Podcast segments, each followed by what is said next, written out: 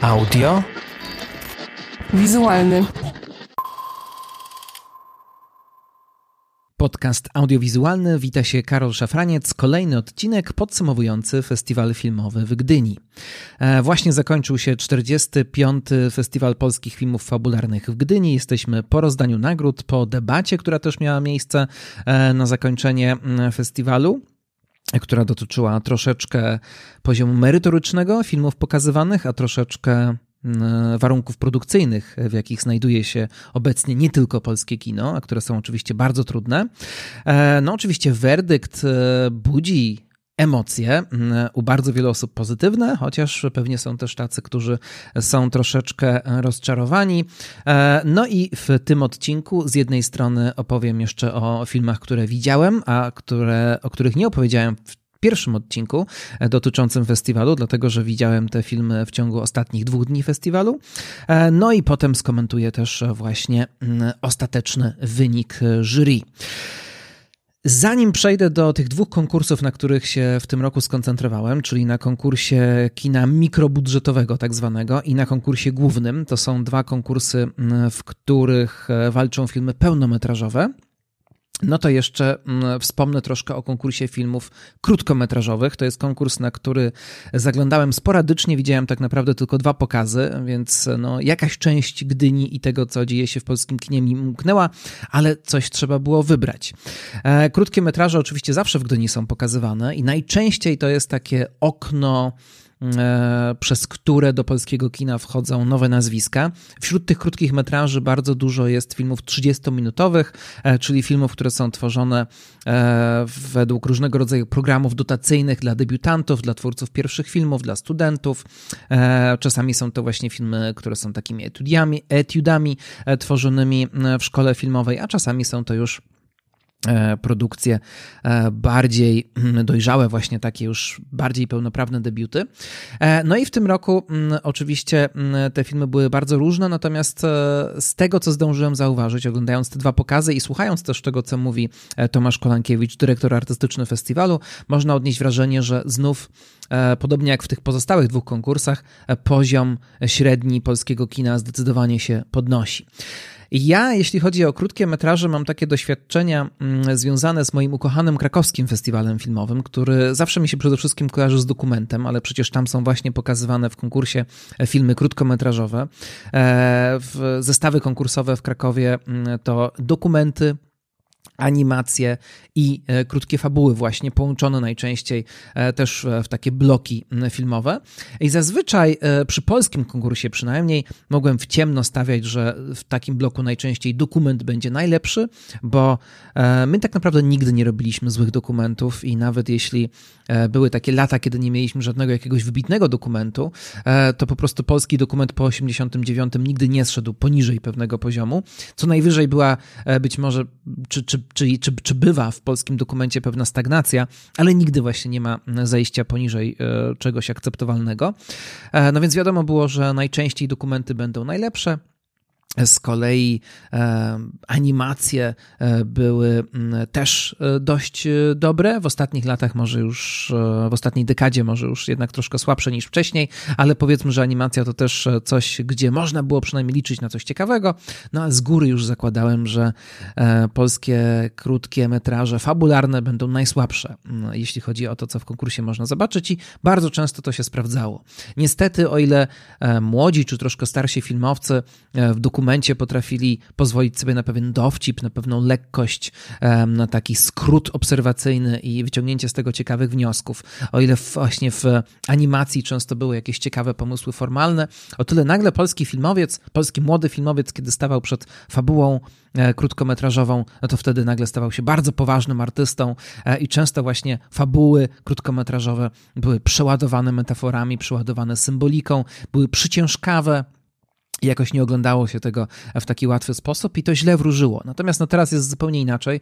E, właśnie poziom techniczny tych filmów jest też o wiele lepszy, ale ma się też wrażenie, że często jest jakiś pomysł, jest jakaś myśl i nawet jeśli z niektórych tych krótkich fabuł, a na festiwalu pokazano ich kilkadziesiąt, nic głębszego nie wynikało, to przynajmniej nie było wstydu czy poczucia zażenowania, kiedy mm, się je oglądało. Konkurs, to znaczy krótkie metraże oczywiście również są konkursem. Przewodniczącym jury w tym roku konkursu krótkometrażowego był Filip Bajon. No i wygrał film bardzo ciekawy, bardzo nietypowy, film, który wyróżniał się na tle, mam wrażenie, całego festiwalu. E, wyróżniał się też w tym konkursie. E, I film, który jest ważny, e, z, pod, na dwóch płaszczyznach jest ważny. Film nazywa się Alicja i Żabka i został nakręcony przez aktorkę, przez Olgę Bołądź. I to jest coś, co również wpisuje się w pewien szerszy trend Gdyni tegorocznej, o którym mówiłem w poprzednim odcinku, czyli w taki trend, że aktorzy tworzą filmy. E, aktorzy tworzą filmy i często im to świetnie wychodzi, ale o ile na przykład e, kino Piotra Domalewskiego jest takie bardzo typowe dla aktorów, którzy zabierają się za reżyserię, czyli jest bardzo, e, to jest takie kino bardzo blisko postaci, oparte przede wszystkim na dialogu, na scenariuszu, na takim wewnętrznym rozwoju, ale na też pewnym realizmie najczęściej, to mm, tutaj mamy coś zupełnie innego, bo mamy film, który jest bardzo rozbuchany formalnie, który jest bardzo ekscentryczny, ekstrawagancki, E, który łączy w sobie różne techniki, który jest e, kolorowy, zadziorny. Jest tutaj element dramatu społecznego, jest bardzo ciekawa historia, e, a jednocześnie to wszystko jest właśnie podane w taki sposób, gdzie mamy i konwencję jakiegoś takiego teledysku i troszkę musicalu i pewnej psychodelii i to wszystko jest między innymi inspirowane kinem Wesa Andersona. E, do takich inspiracji e, przyznaje się e, autorka Olga Bołądź. Ale co ciekawe, kiedy zaczynamy oglądać ten krótki film, no to możemy mieć takie poczucie nadmiaru, możemy mieć poczucie, że jesteśmy atakowani pewną strokacizną, ale powoli, powoli, kiedy zaczynamy wchodzić w historię, zaczynamy orientować się, o czym właściwie Alicja i Żabka jest, nagle zaczynamy zauważać, że dramat głównej bohaterki i treści, które są w w tym filmie łączą się jednak dość spójnie i koherentnie z formą, i z tego e, wychodzi bardzo przekonująca, bardzo mocna e, całość. I ta pstrokacizna właśnie przestaje być pstrokacizną, ale staje się bardzo świadomie użytą formą. I to jest też coś, co wyróżniało się na całym festiwalu, bo e, nawet jeśli, tak jak mówiłem w poprzednim odcinku, w tym roku Gdynia jest na poziomie całkiem niezłym, no to jednak dominuje, może charakterystyczny dla polskiego kina, taki bliski człowiekowi realizm, realizm często taki mały realizm e, prowincjonalny, e, nawet jeśli to jest taka prowincjonalność w wielkim mieście, charakterystyczna, nie wiem, dla twórczości Edwarda Dwórnika na przykład, e, no to jednak właśnie tutaj mamy coś zupełnie innego, taki własny język, coś, co nie jest typowo fabularne, chociaż mamy oczywiście pewną e, historię, która mm, przywija się przez cały film, ale e, tego typu rozwiązania właśnie są bardzo oryginalne. No i to jest też film ważny z powodu treści, dlatego że to jest zaangażowane kino społeczne. E, to jest film zdecydowanie mm, z takim wyraźnym feelingiem feministycznym. E, film, który opowiada o aborcji, e, ale opowiada o tej aborcji w sposób bardzo, bardzo interesujący, bardzo ciekawy. Na pewno jest to pewien głos w sprawie tego, co się w tym momencie w Polsce dzieje. Ale z drugiej strony, mimo tego, że film jest e, mm, jednoznacznie, mm, e, jednoznacznie właśnie taki interwencyjny, to wcale nie jest e, agitacyjny i to też jest w nim bardzo chyba interesujące. Olga Bołądź oczywiście mm, stawia tutaj pewną tezę. Film zresztą został stworzony na bazie autentycznej historii czternastolatki, która zaszła w niechcianą ciążę i wokół której rozpętała się jakby pewna afera związana właśnie z tym, że ona czy ona powinna mieć aborcję, czy nie, e, czy ciąża, która została zadana czternastolatce przez chłopaka, który jest niepełnoletni, no to z jednej strony jest ciąża, która może być uznana za, e, za sytuację właśnie taką na granicy prawa, że to nie jest e, ciąża, która powstała w normalnych warunkach, więc być może też matka nie jest gotowa do tej ciąży, więc być może kwalifikuje się do aborcji, no ale zaczynają się tutaj tak naprawdę schody, bo przepisy nie są jasne, każdy ma tutaj własne zdanie dziewczyna jest właściwie zupełnie pozbawiona podmiotowości. Ona nie do końca wie, co się stało, wobec czego zaczyna się taka jakaś absurdalna, absurdalna karuzela e, wydarzeń wokół niej, bo po pierwsze jej matka musi się dowiedzieć, po drugie właśnie e, różni lekarze, media, społeczności, e, środowiska i pro i antyaborcyjne, kościół, wszyscy tak naprawdę mają jakieś zdanie na temat tego, co nasza bohaterka powinna zrobić, a ona, ona i czasami też jej matka są w tym wszystkim bardzo mocno skołowane. I o tym skołowaniu właśnie ten film opowiada. Ten film opowiada o jakiejś takiej kawkowskiej sytuacji. E, to nie jest film o tym, czy dokonywać aborcji, czy nie dokonywać, tylko film o tym, że społeczeństwo, w którym nie ma wolności wyboru w tym względzie, tak naprawdę właśnie stawia takich, e, takie bohaterki jak e, Alicja w sytuacji kawkowskiej, właśnie absurdalnej, jakiejś takiej sytuacji bez wyjścia. I to w pewnym momencie staje się w tym filmie bardzo przejmujące. Olga Bołądź napisała scenariusz do tego filmu e, z trzema koleżankami. Okazało się, że ten scenariusz zaskakująco wyszedł. E, miały takie poczucie, że im się to udało, wobec czego e, postanowiły, że trzeba będzie to nakręcić. No ale ponieważ nikt chętny się inny nie zgłosił, Olga Bołądź postanowiła, że sama spróbuje swoich sił. No i wyszła taka rzecz pewnie zaskakująca nawet dla mm, fanów i fanek e, Olgi Bołądź. E, bardzo niezwykła rzecz, no i wcale nie dziwię się, że mm, jury pod przewodnictwem Filipa Bajona ten film nagrodziło. Z takich ważnych filmów krótkometrażowych, które jeszcze udało mi się zobaczyć, Warto wspomnieć o Ondynie e, Tomasza Śliwińskiego. E, to jest też być może nazwisko, które niektóre osoby znają. Tomasz Śliwiński, e, znany już, bardzo ceniony na świecie, również polski dokumentalista, ale najbardziej ceniony chyba z tego powodu, że od czasu narodzin swojego dziecka Leo, a nawet jeszcze wcześniej, kieruje kamerę na swoją rodzinę. Filmy Nasza Klątwa, Klątwa i teraz Ondyna, e, to filmy, które opowiadają o e, dzieciach czy o sytuacji radzenia sobie z posiadaniem, z wychowywaniem dziecka, które jest chore na klątwę Ondyny. Klątwa Ondyny to choroba polegająca na tym, że nie możemy zasnąć, dlatego, bo jeśli zaśniemy, to wtedy wpadamy w bezdech i możemy się udusić. Dlatego osoby z taką przypadłością muszą zasypiając podłączać się do specjalnej aparatury, która w sposób mechaniczny utrzyma nasze oddychanie. E, w pierwszym filmie Śliwiński chciał nakręcić po prostu opowieść o ciąży, o czekaniu na dziecko, ale wyszedł z tego ostatecznie film o tym olbrzymim kontraście między tym, co się dzieje, kiedy rodzic dowiaduje się, że będzie miał chore dziecko, a tym, co dzieje się wcześniej. Potem kolejny film to już e, ich po prostu codzienne życie z dzieckiem, który jest na, takie, na taką chorobę na taką chorobę chore. E, no i to był film, który e, przyniósł nominację do najważniejszych światowych nagród, jeśli chodzi o krótkometrażowe kino dokumentalne. Znakomicie zrobiony film i też bardzo przejmujący.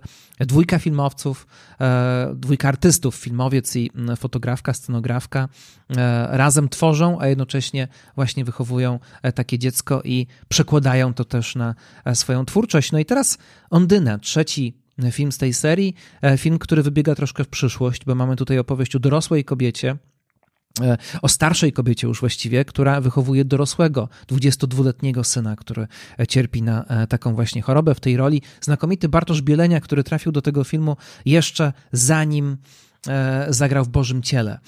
Już wtedy został odkryty. No i mm, znakomity Bartosz Bielenia, który e, trafił do tego filmu jeszcze przed Bożym Ciałem, ale już został przez Śliwińskiego odkryty w Starym Teatrze e, w Krakowie. On właśnie gra tego chłopaka, a partneruje mu e, Magdalena Koleśnik, która jest absolutną gwiazdą tego festiwalu, do niej jeszcze wrócimy. Jeśli ktoś będzie miał okazję złapać Ondynę, to bardzo polecam. Niezwykle przejmujące kino, zadające takie no, trudne pytania i w tym filmie jeszcze postać tej matki, którą gra Judyta Paradzińska-Górska.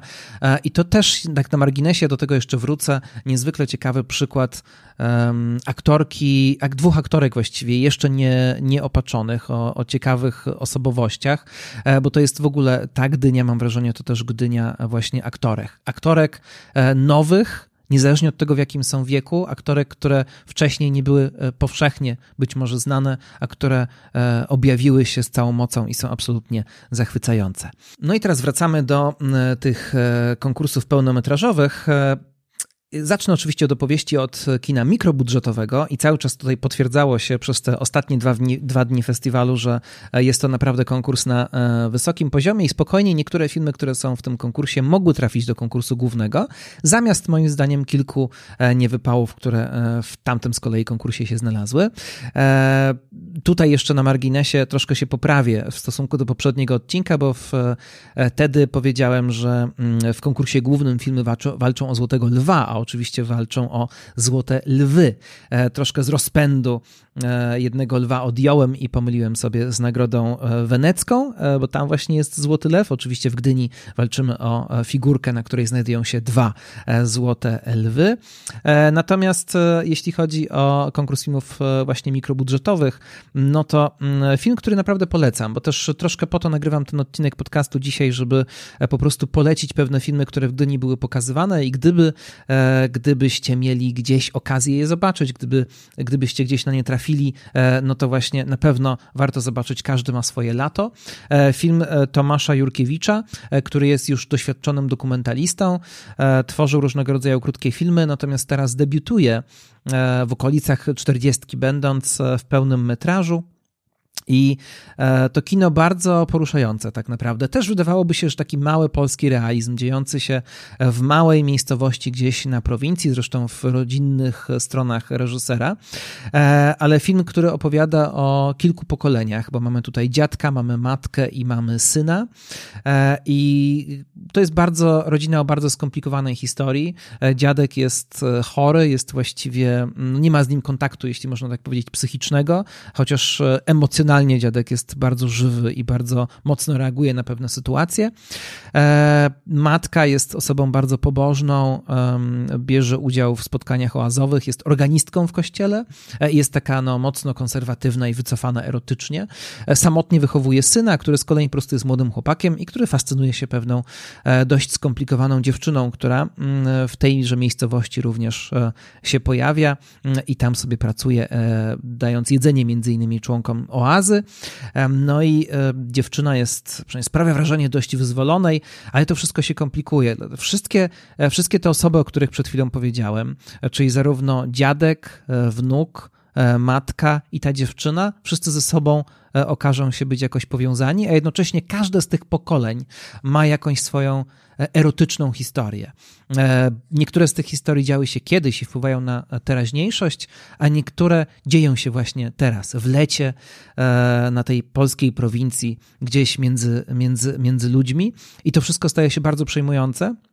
I to jest taki bardzo ciekawy film, który właśnie wychodzi od czegoś, co wydaje się banalne i co już wiele, wiele razy widzieliśmy w polskim kinie, ale to jest świetnie napisane, e, to jest świetnie zrealizowane e, i przede wszystkim e, znakomicie zagrane, bo chyba przede wszystkim aktorstwem ten film stoi. Bez dobrze napisanych postaci i bez przekonującego aktorstwa tego filmu nie byłoby w takiej formie, w jakiej on zaistniał. No i tutaj oczywiście trzeba powiedzieć o Sandrze Drzymalskiej, ja do niej też jeszcze wrócę. Ona gra tutaj właśnie tę dziewczynę, która przyjeżdża do miasta. Ale e, naprawdę e, polecam ten film zobaczyć dla roli Anity Poddębiak. To ona gra tutaj matkę chłopca, właśnie tę kobietę, która jest organistką e, i która będąc już no, w pewnym wieku ma szansę jeszcze coś ciekawego w życiu przeżyć. E, Aneta, mm, Anita Poddębiak występuje mm, w tym filmie mm, w scenie erotycznej, e, która moim zdaniem jest jedną z najbardziej wzruszających i najpiękniejszych scen erotycznych, jakie widziałem w polskim kinie.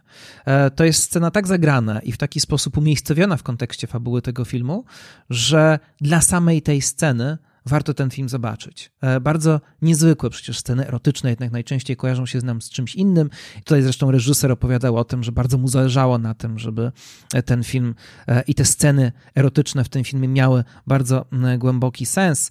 I co ciekawe zresztą, pierwszy tytuł tego filmu, taki roboczy, który zaproponował scenariusz, Piotr Janusz, nazwał się Mięso uczuć, bo to właśnie taki film w sumie bardzo niepolski, próbujący łączyć to, co w polskiej kulturze zawsze było tak mocno rozdzielane, czyli cielesność i duchowość, a przecież można na to właśnie spojrzeć w ten sposób, że to duchowość wyraża, czy cielesność wyraża to, co jest w środku. Bardzo ciekawy film i naprawdę bardzo polecam, natomiast niestety nie zobaczyłem filmu, który wygrał. Widziałem wszystkie filmy w konkursie filmów mikrobudżetowych, przegapiłem e, z powodów, że tak powiem, organizacyjnych jeden, ostatni commerce i od samego początku czułem, że to jest największy błąd, jaki zrobiłem E, na tym festiwalu, dlatego, bo widząc już zajawki ostatniego komersu, widząc w jaki sposób ten film jest formalnie dopracowany, jak ciekawie pracuje, e, pracują w nim aktorzy, pracuje w nim kamera, Czułem, że w tym, po tych krótkich fragmentach, które widziałem, że to jest coś e, większego.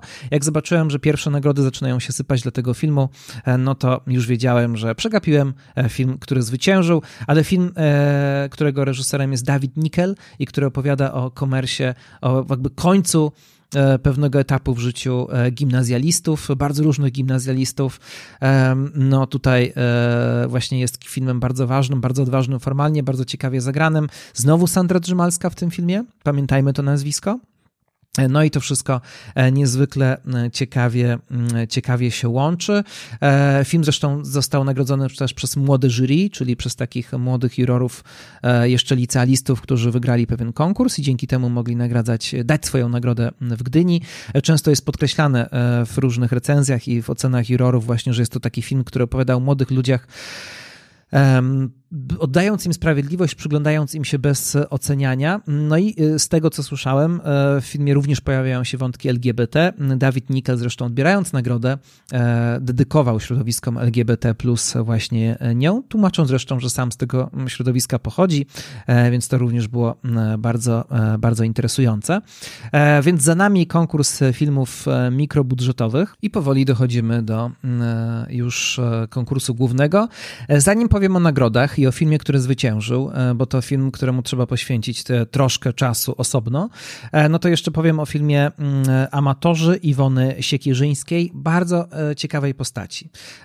Reżyserki, która kręci rzadko, i z tego powodu może się wydawać taka nieobecna troszkę w polskiej kinematografii. Tymczasem ona e, cały czas działa. Ona prowadzi różnego rodzaju zajęcia, e, różnego rodzaju grupy edukacyjne, e, uczy poprzez działalność kulturalną, poprzez między innymi także film, no i od czasu do czasu właśnie postanawia coś jednak nakręcić. I amatorzy to z pewnością film, który wynika z różnego rodzaju jej działań.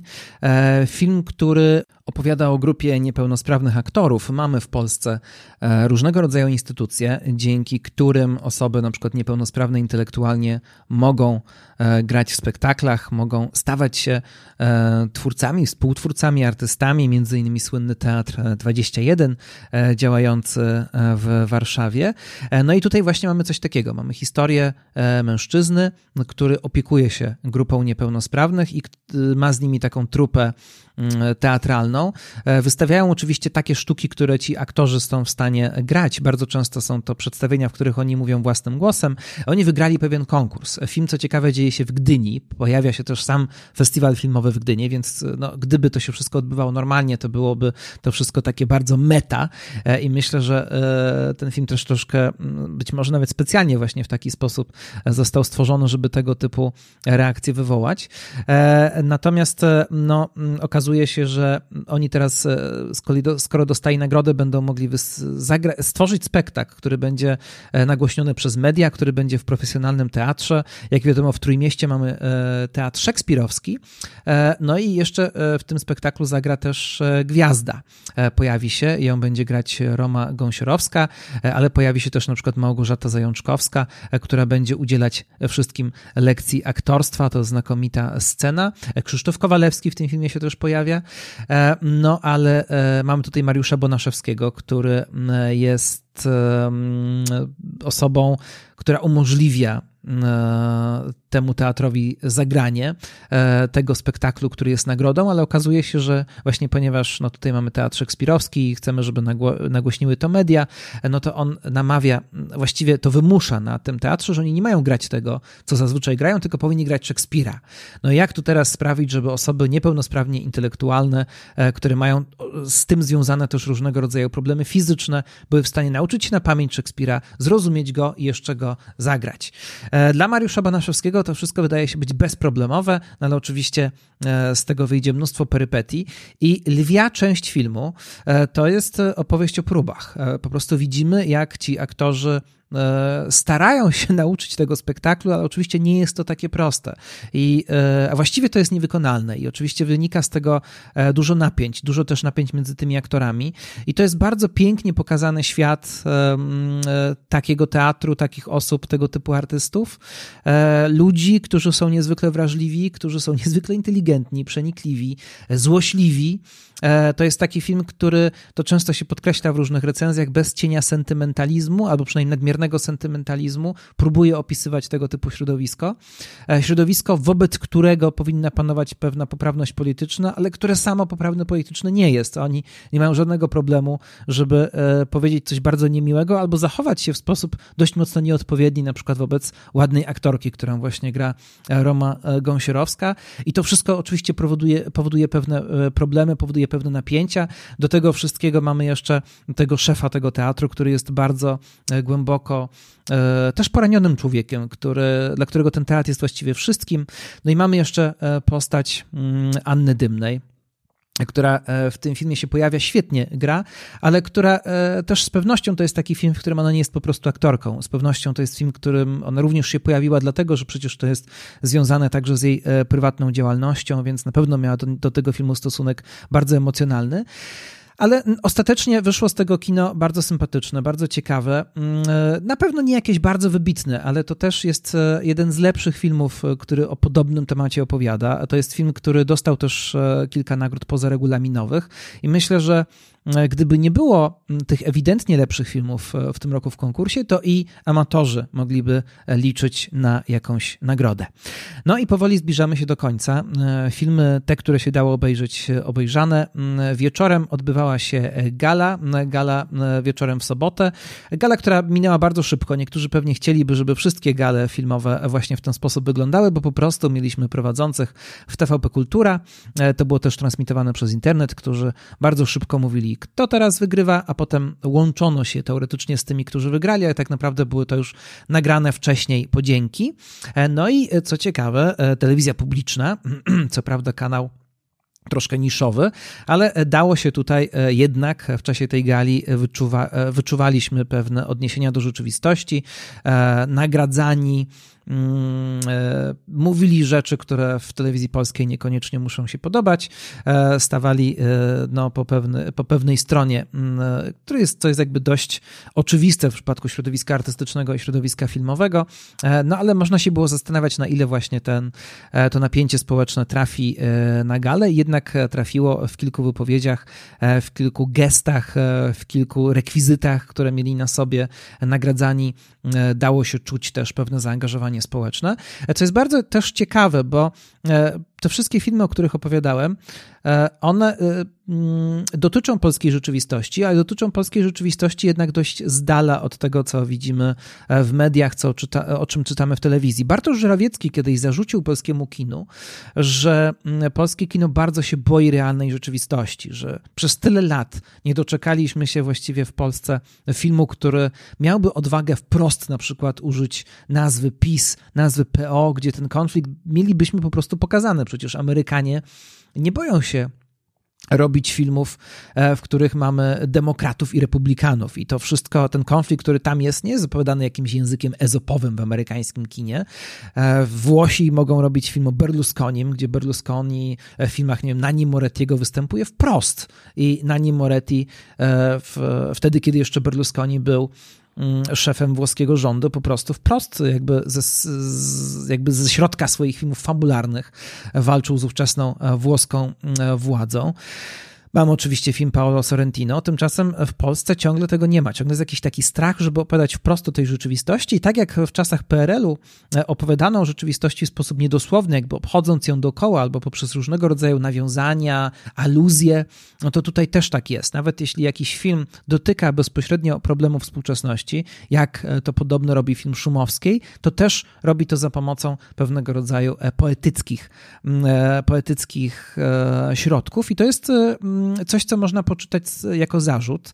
E, ciekawe jest to, że przecież reżyserzy filmowi e, są zaangażowani, bo właśnie to widać po ich takim prywatnym zachowaniu i reżyserzy, nie tylko reżyserzy, aktorzy, aktorki, twórcy, e, widać po tym właśnie jak, jakie mm, przybierają jakie, jakie zachowania się pojawiają podczas nie tylko tegorocznej gali, no a jednak właśnie w filmach tego unikają. I no z jednej strony może to być zarzut, z drugiej strony e, być może jest też tak, że ta silnie spolaryzowana rzeczywistość, kiedy dzisiaj wchodzimy na Facebooka, czytamy o różnego rodzaju konfliktach, oglądamy w mediach to, co się dzieje w Polsce i nie tylko w Polsce, e, gdzie jakby wszystko jest już zredukowane do e, pewnej kalki i pewnej flagi, z którą się obnosimy, po której stronie jesteśmy i nie ma tutaj miejsca na niuanse, to jednak polskie kino, troszkę idąc za przykładem Kieślowskiego, cały czas jednak gdzieś w tym Kieślowskim jest zakorzenione i przygląda się człowiekowi, że może to jest zarzut, że uciekamy od rzeczywistości, ale przecież z drugiej strony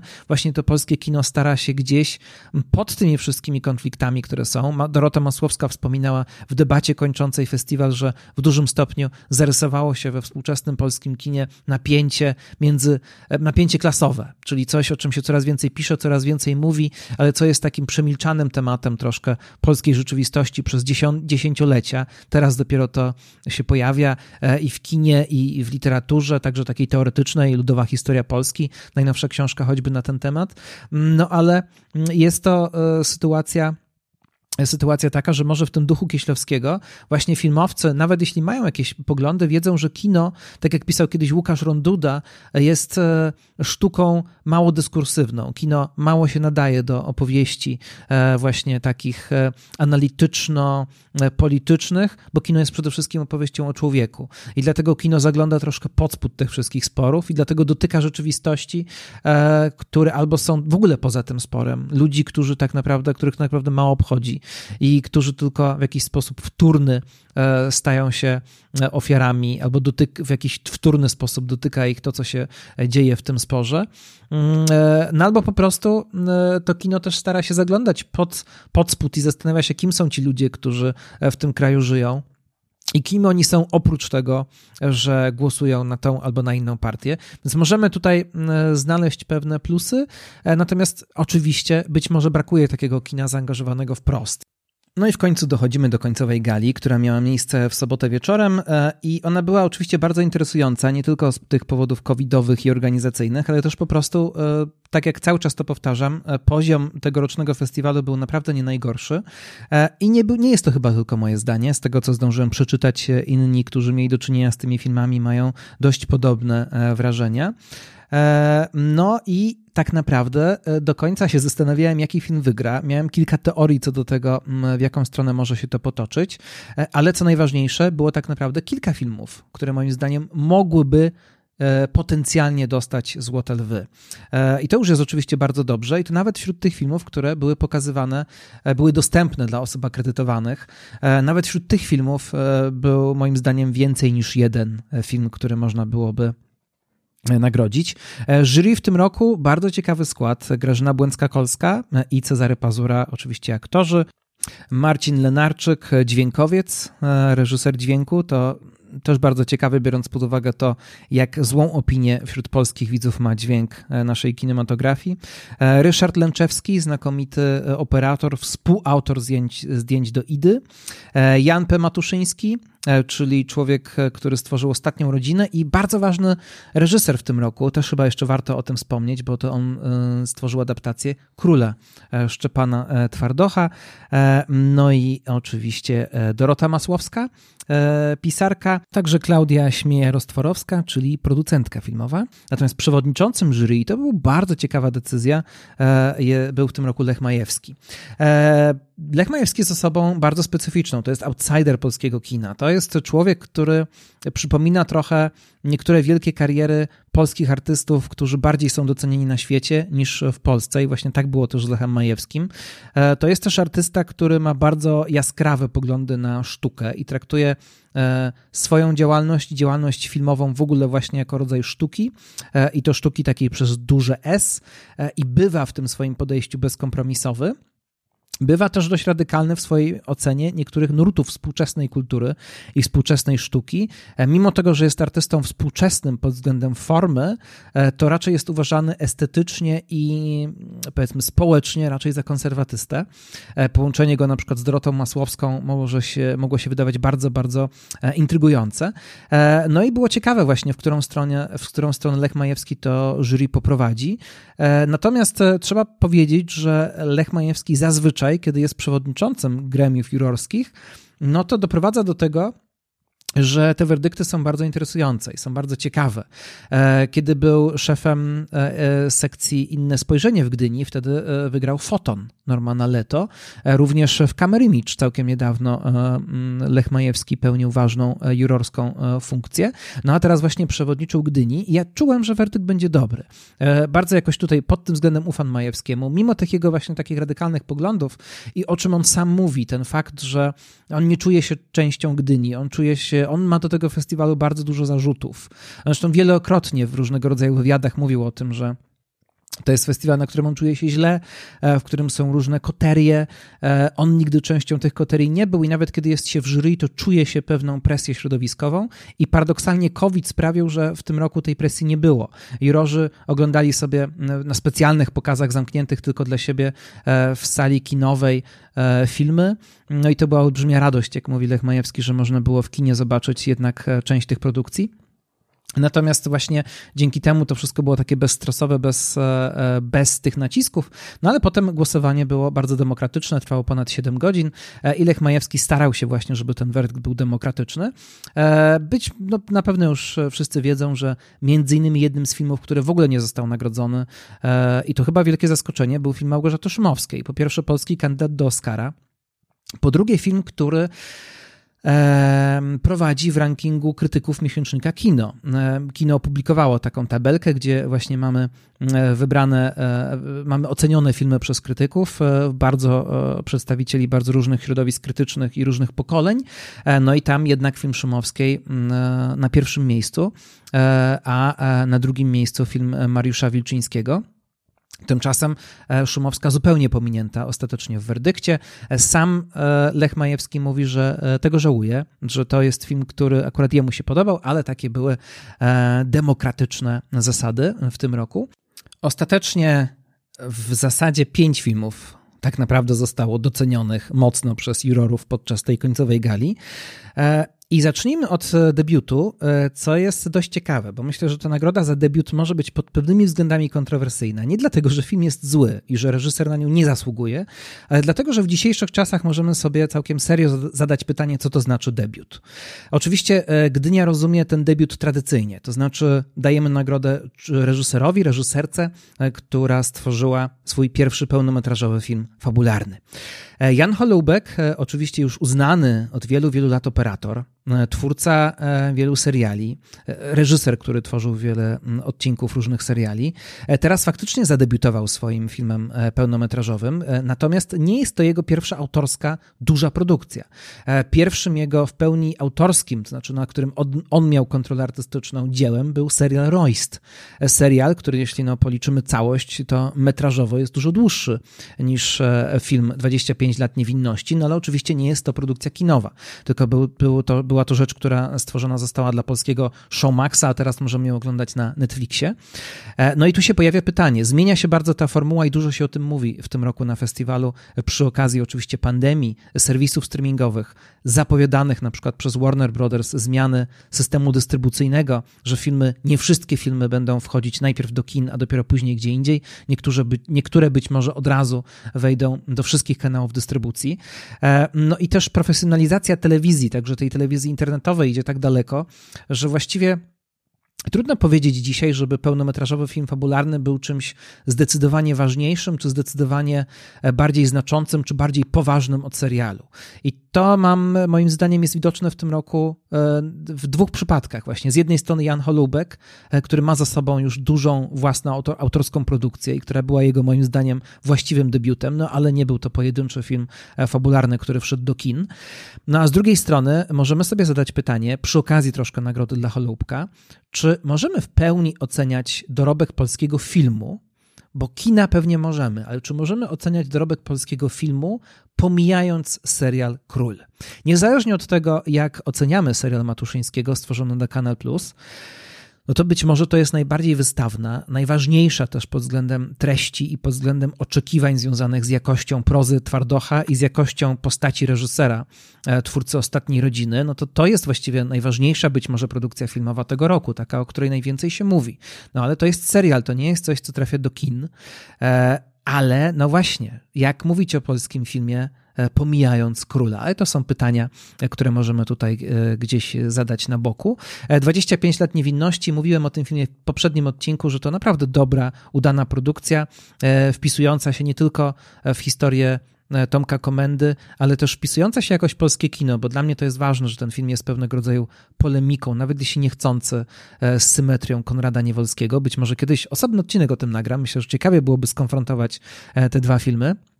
Natomiast tutaj jeszcze bardzo ważna nagroda aktorska, z której ja się niesamowicie E, cieszę, dlatego że nagrodę męską e, dla najlepszego aktora, e, zgodnie z tym, czego oczekiwałem i czego sobie życzyłem, nagrodę tę dostał Piotr Trojan właśnie za rolę Tomasza Komendy.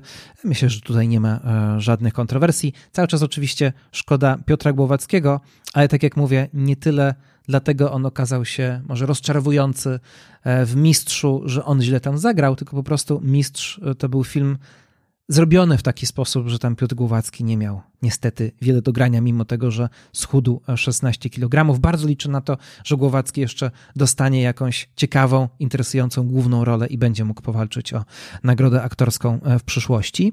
E, jeśli chodzi o. Mm, także mamy pierwszy film. E, drugi film, który został zdecydowanie przez jury nagrodzony, i to chyba może budzić pewną, pewne mm, kontrowersje, dlatego że ten film, z tego co zdążyłem zauważyć, ja niestety go nie zobaczyłem, i ci, którzy byli akredytowani w tym roku w Gdyni, Gdyni nie mogli go zobaczyć.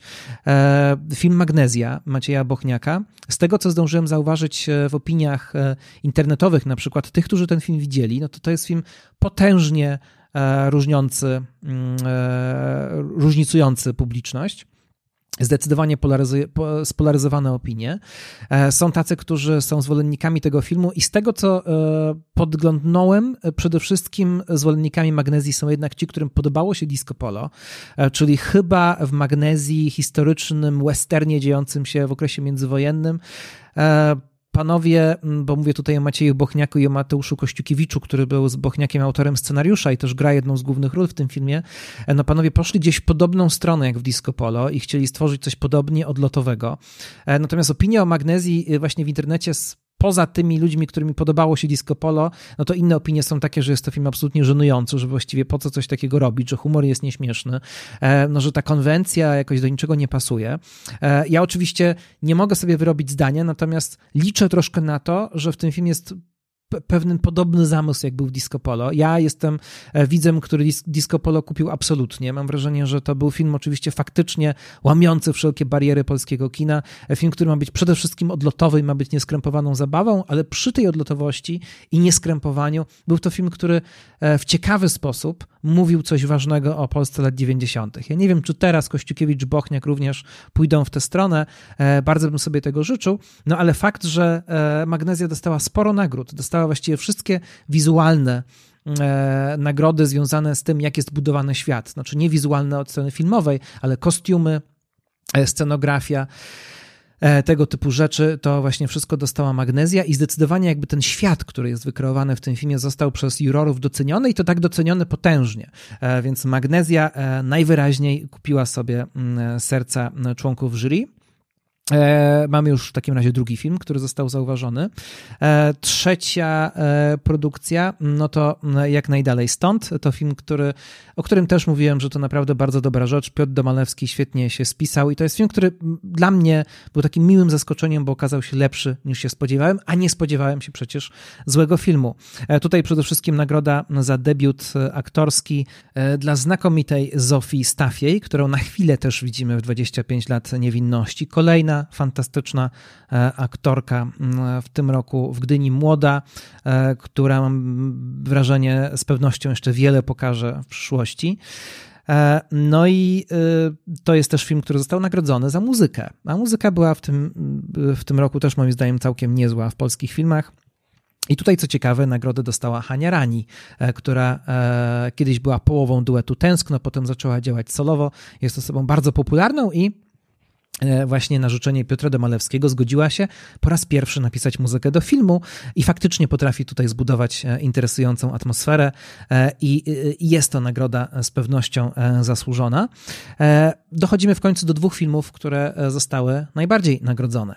Pierwszy to film, który już był pokazywany na, mm, w wielu miejscach, który został wybrany przez jurorów E, przez selekcjonerów w Cannes, ale Cannes oczywiście w tym roku się nie odbyło, tylko właśnie był wykaz takich filmów, które zauważyli selekcjonerzy. Jednym z nich był właśnie film Sweat Magnusa von Horna, bo o tym filmie teraz e, mówię. E, Magnus von Horn, jeśli komuś tu nazwisko nie kojarzy się z niczym, no to warto je pamiętać, warto przyglądać się tej postaci. On już został nagrodzony i doceniony w Polsce i za granicą za swój poprzedni film, za film Intrus, i to jest bardzo ciekawe, że Szwed, który 9 lat temu przyjechał do Polski studiować łódzkiej filmówce, e, teraz e, w pełni jakby stał się częścią polskiego społeczeństwa, polskiego środowiska filmowego. On też wykłada, uczy e, w łódzkiej filmówce, a jednocześnie przygląda się temu społeczeństwu i kręci o nim filmy. Jak sam mówi, Polska absolutnie go zachwyciła. Energia, którą tutaj spotkał, ludzie, których poznał, no właśnie tak bardzo, że postanowił tutaj zostać. Mm, a jednocześnie też mówi o tym, no, że Polska w ostatnim czasie jakby próbuje być zawracana w jakąś inną stronę rozwojową, ale jest to kraj pełen walczących ludzi i z pewnością pewnych zmian jednak nie da się e, zatrzymać. E, no natomiast e, film Sweat opowiada o, o influencerce, o kobiecie, która, właściwie młodej dziewczynie, która zajmuje się fitnessem i która tworzy sobie taki świat instagramowy, gdzie zachwyca innych i coraz bardziej w ten świat instagramowy sama zaczyna wierzyć, a jest dość mocny kontrast między jej e, życiem faktycznym, a tym jej życiem wykreowanym. I to jest jakby to, co wiemy z opisów tego filmu. E, Sweat, e, tak jak już zdążyłem powiedzieć, bardzo doceniany na świecie, ale w tym roku akredytowane osoby nie mogły go zobaczyć. Ja niestety też gdzie indziej tego filmu nie widziałem, ale warto powiedzieć, że między innymi nagroda za zdjęcia. Za zdjęcia i tutaj Ryszard Lęczewski bardzo ciekawie to motywował, że e, to jest jeden z tych filmów, w którym to ludzka twarz staje się pejzażem i to na ludzkiej twarzy właśnie e, skupia się kamera. E, jest tutaj dwie nagrody aktorskie. Aleksandra Konieczna, aktorka, którą już docenialiśmy za ostatnią rodzinę, doceniliśmy za Boże Ciało, a teraz tutaj i właściwie Aleksandra Konieczna, można powiedzieć, rośnie, e, czy staje się jedną z najważniejszych aktorek polskich i to jest absolutnie zasłużone. Nawet jeśli to są nagrody za role e, drugoplanowe, e, no to jednak one są znakomite i właściwie zawsze jak Konieczna pojawia się na ekranie, w jakimkolwiek filmie by nie grała, tworzy postać magnetyczną, tworzy postać niejednoznaczną, która czasami jednym gestem potrafi wyrazić więcej niż wieloma słowami i to naprawdę serdeczne gratulacje. No ale E, przede wszystkim poza tym, że Sweat dostał Srebrne Lwy, e, drugą nagrodę festiwalu, e, no to jest to też film który został nagrodzony za główną rolę żeńską. I to chyba jest coś, co wszyscy powtarzają, że no jednak cały sweat jest zbudowany wokół roli Magdaleny Koleśnik, że jest to absolutne zjawisko w polskim kinie i właśnie Magdalena Koleśnik tutaj obok Ondyny krótkometrażowej mogła pokazać e, swoje możliwości i swój talent i z pewnością będzie to niesamowicie e, ważna e, polska aktorka, która ma duże szanse odnieść sukcesy nie tylko w Polsce.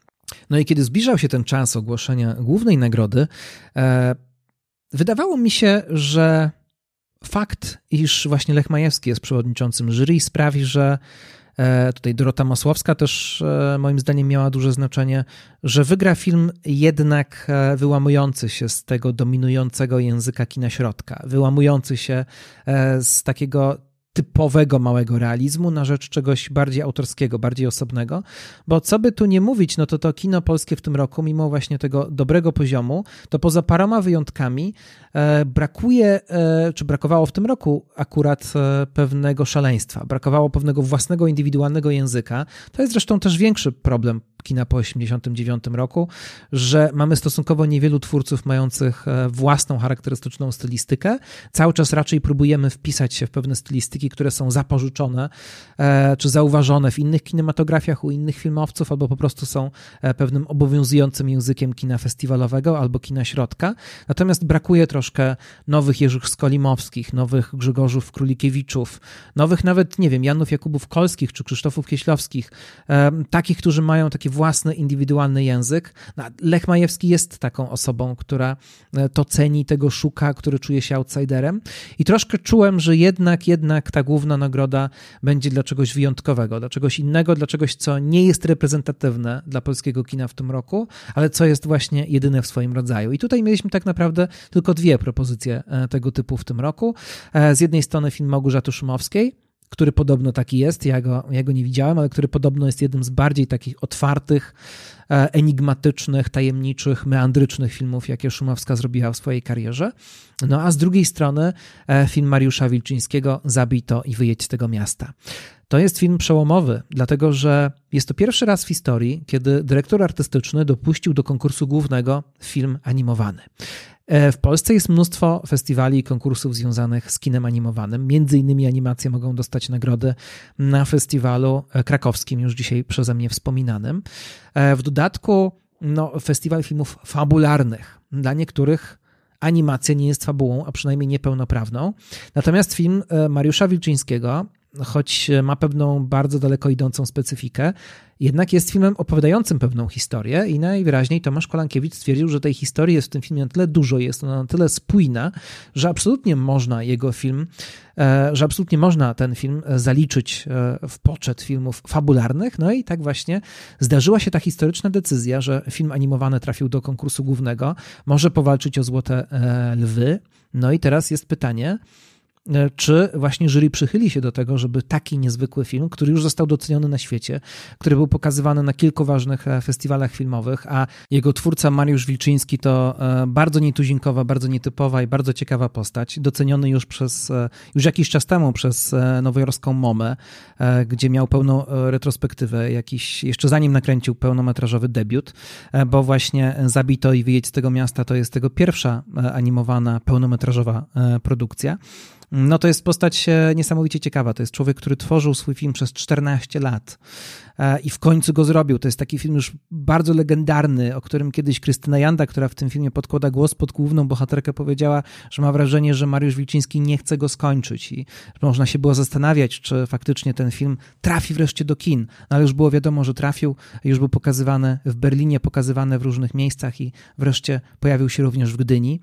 E, Mariusz Wilczyński, tak jak mówiłem, miał kiedyś retrospektywy w Nowojorskim Muzeum Sztuki Współczesnej. W tym samym muzeum też retrospektywy perspektywę miał kiedyś Lech Majewski. E, bardzo rzadko się zdarza, żeby żyjący twórcy, żyjący też reżyserzy filmowi tam byli pokazywani. E, tych, tych dwóch Polaków między innymi to spotkało. E, no i też można było właśnie się nawet pod tym kątem zastanawiać, czy tutaj pojawi się pewna solidarność, ale im bliżej było końca, tym bardziej czułem albo Szumowska, albo Mariusz Wilczyński. Dlaczego e, mm, myślałem, że może nie Wilczyński? Też dlatego, że no właśnie pierwsze mogą być kontrowersje związane z tym, że to animacja, a poza tym no kino, ten film, Zabij to i wyjedź z tego miasta, to film, który jednych wciągnie na pewno od razu. Ale mogą być takie osoby, które będą do tego filmu miały pewnego rodzaju uprzedzenia, bo tutaj jest pewien wysoki próg wejścia. Bo film nawet mnie, a znałem wcześniejszą twórczość Wilczyńskiego i bardzo, bardzo ją lubiłem. Uwielbiałem e, taki film jak Kizimizi na przykład e, z muzyką Tomasza Stańki. Bardzo lubię kreskę Mariusza Wilczyńskiego. Jeśli ktoś nie widział nigdy jego filmów, ale przez lata oglądał na przykład TVP Kulturę, e, to dymiące kominy, kotki i myszy strzelające do siebie jak w westernie, charakterystyczny napis TVP Kultura, który przez lata w tej stacji się pojawiał, to wszystko były właśnie dzieła Mariusza Wilczyńskiego, który też prowadził wiele programów kulturalnych, również TVP Kultura i robił to znakomicie. Mariusz Wiczyński jest po prostu jednym z moich ulubionych prowadzących tak naprawdę programy kulturalne w Polsce. Bardzo żałuję, że już tego nie robi, a może skoro już wreszcie stworzył swój film, to do tego troszkę wróci. Między innymi kiedyś prowadził znakomity, świetny program z Agnieszką Szydłowską po godzinach, e, który bardzo lubiłem i no niestety już dawno, dawno tego programu nie ma.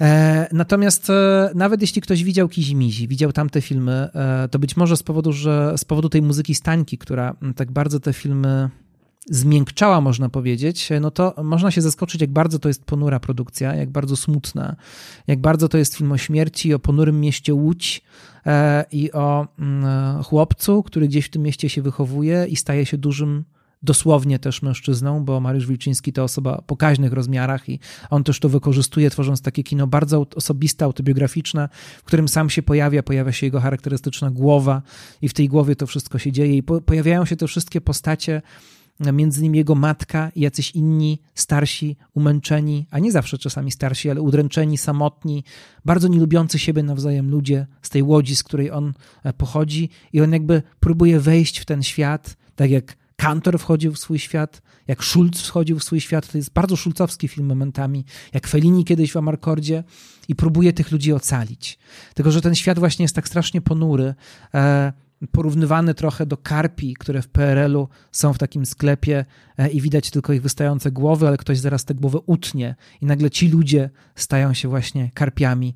E, to taki bardzo też ciekawy film w dzisiejszym, w dzisiejszym świecie, kiedy o PRL-u mówi się różnie, który pokazuje tamtą epokę, jako taką epokę, którą trzeba dopiero post factum zbawić, którą trzeba dopiero teraz w jakiś sposób uratować, ponieważ ona nie mogła być uratowana, bo tam nikt siebie nawzajem nie szanował. To jest bardzo, bardzo ponury film, który wraca do tamtych czasów.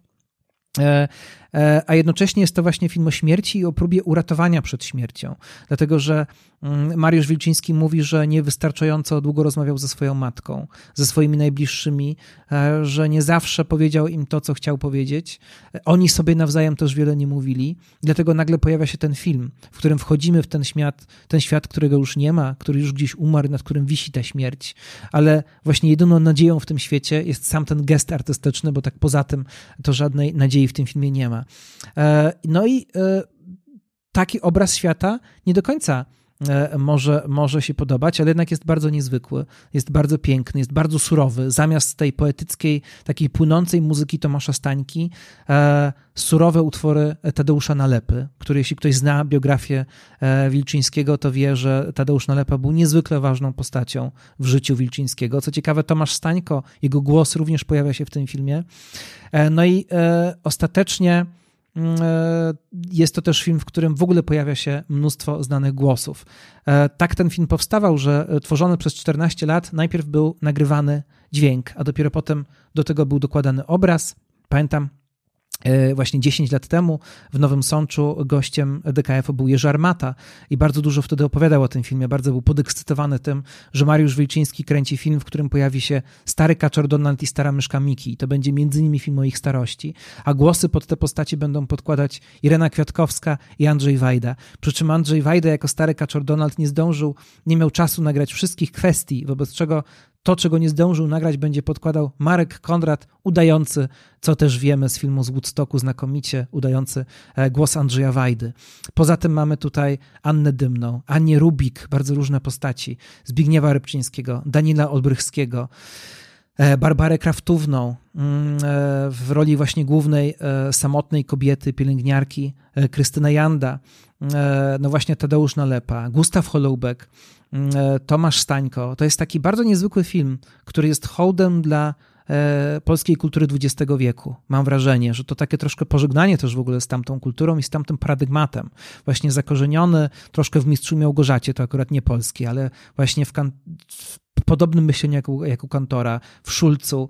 E, w, i, i, I tutaj mamy te wszystkie postacie, które z jednej strony objawiają się jako konkretne osoby w życiu Mariusza Wilczyńskiego, ale swoimi głosami też odnoszą do historii polskiej kultury. I mogłoby się, moglibyśmy się też zastanawiać, co w takim e, wydawałoby się ponurym, surowym filmie Mm, który jest tak bardzo zakorzeniony w polskim kontekście, czy coś może się podobać w takim filmie ludziom z zagranicy, a jednak się podoba.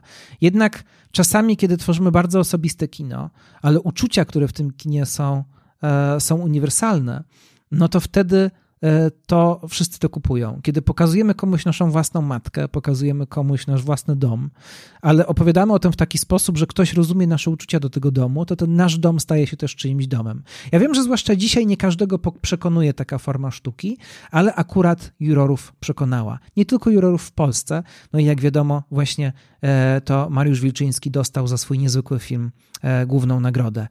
E, bardzo polecam Zabij to i wyjedź z tego miasta, ale też e, trzeba pamiętać, że jest to film specyficzny. To jest film, na który warto się przygotować jakby odpowiednio i który, na który trzeba się też emocjonalnie troszkę przygotować. Natomiast no, to, co jest właśnie niezwykłe, że jest to film momentami bardzo bezkompromisowy artystycznie. To jest film, jeśli można tak powiedzieć, przy okazji kina animowanego, zrobiony w bardzo długich ujęciach, w bardzo w wielu miejscach jest sporo pustki. Właściwie nic się nie dzieje, e, wypełnia się świat własnymi myślami tak naprawdę, uzupełnia się to, co e, Wilczyński e, pokazuje. Jest to też film bardzo cielesny. To nie jest film tylko o tym, co dzieje się w głowie, o mentalności, radzeniu sobie ze śmiercią, ale też film o śmierci ciała. I to ciało jest jakoś skonfrontowane właśnie z tym, co dzieje się w głowie, ale gdzieś w sumie jest to taka piękna, elegijna rzecz, zmuszająca z pewnością do e, bardzo, bardzo wielu refleksji. No i na koniec warto powiedzieć, że Lech Majewski powiedział, że jest dumny z tego, że to właśnie jury pod jego przewodnictwem nagrodziło wreszcie film animowany. Że on ma nadzieję na to, że E, Gdynia zmieni się od tego czasu, że to będzie festiwal odważny, festiwal, który będzie nagradzał, także jak on to powiedział, e, ludzi, którzy są uważani za cudaków, prawdziwych artystów, którzy są osobiści i są osobni. E, że dotychczas właśnie były konkursy typu inne spojrzenie i to były takie getta i takich ludzi jak on właśnie traktowano troszkę jak takich pariasów polskiego kina. Jerzy Skolimowski, pamiętam, kiedyś dostał za swój film nagrodę pozaregulaminową i tak powiedział, że ja całe życie jestem pozaregulaminowy. E, no i może teraz tej poza, pozaregulaminowości będzie więcej, a tak czy siak wygrał film faktycznie osobny i pewnie za tą osobność też dostał nagrodę. Taki film prawdziwie artystyczny, ale obok, jeśli ktoś takiego kina nie lubi, mamy mnóstwo bardzo dobrego kina środka, kina komunikatywnego, e, kina, które stara się coś o nas powiedzieć, no ale na ile nas to wszystko przekona, no to już sami będziemy musieli się zdecydować wtedy, kiedy, miejmy nadzieję, pójdziemy do kin i zobaczymy filmy z tegorocznej Gdyni, która dla mnie ma przede wszystkim twarz, a właściwie twarze polskich aktorek. Sandry Drzymalskiej, która została też zauważona za włoski film Sole, e, który był odkryciem europejskich nagród filmowych. E, Zofia Stafiej, Magdalena Koleśnik, Anita Poddębiak i Judyta Paradzińska-Górska, która pojawia się dosłownie na chwilę e, w Ondynie, ale robi ogromne wrażenie. Polecam szukać tych nazwisk i przyglądać im się w polskim kinie. No i oczywiście polecam też audiowizualnego, jeśli komuś się podobało. Można śledzić we wszelkich możliwych kanałach, a już niedługo wracamy na stare tory i zapowiadany od jakiegoś czasu odcinek o czasami zachwycających, a czasami troszkę mniej zachwycających reklamach pewnego znanego reżysera i artysty. Do usłyszenia.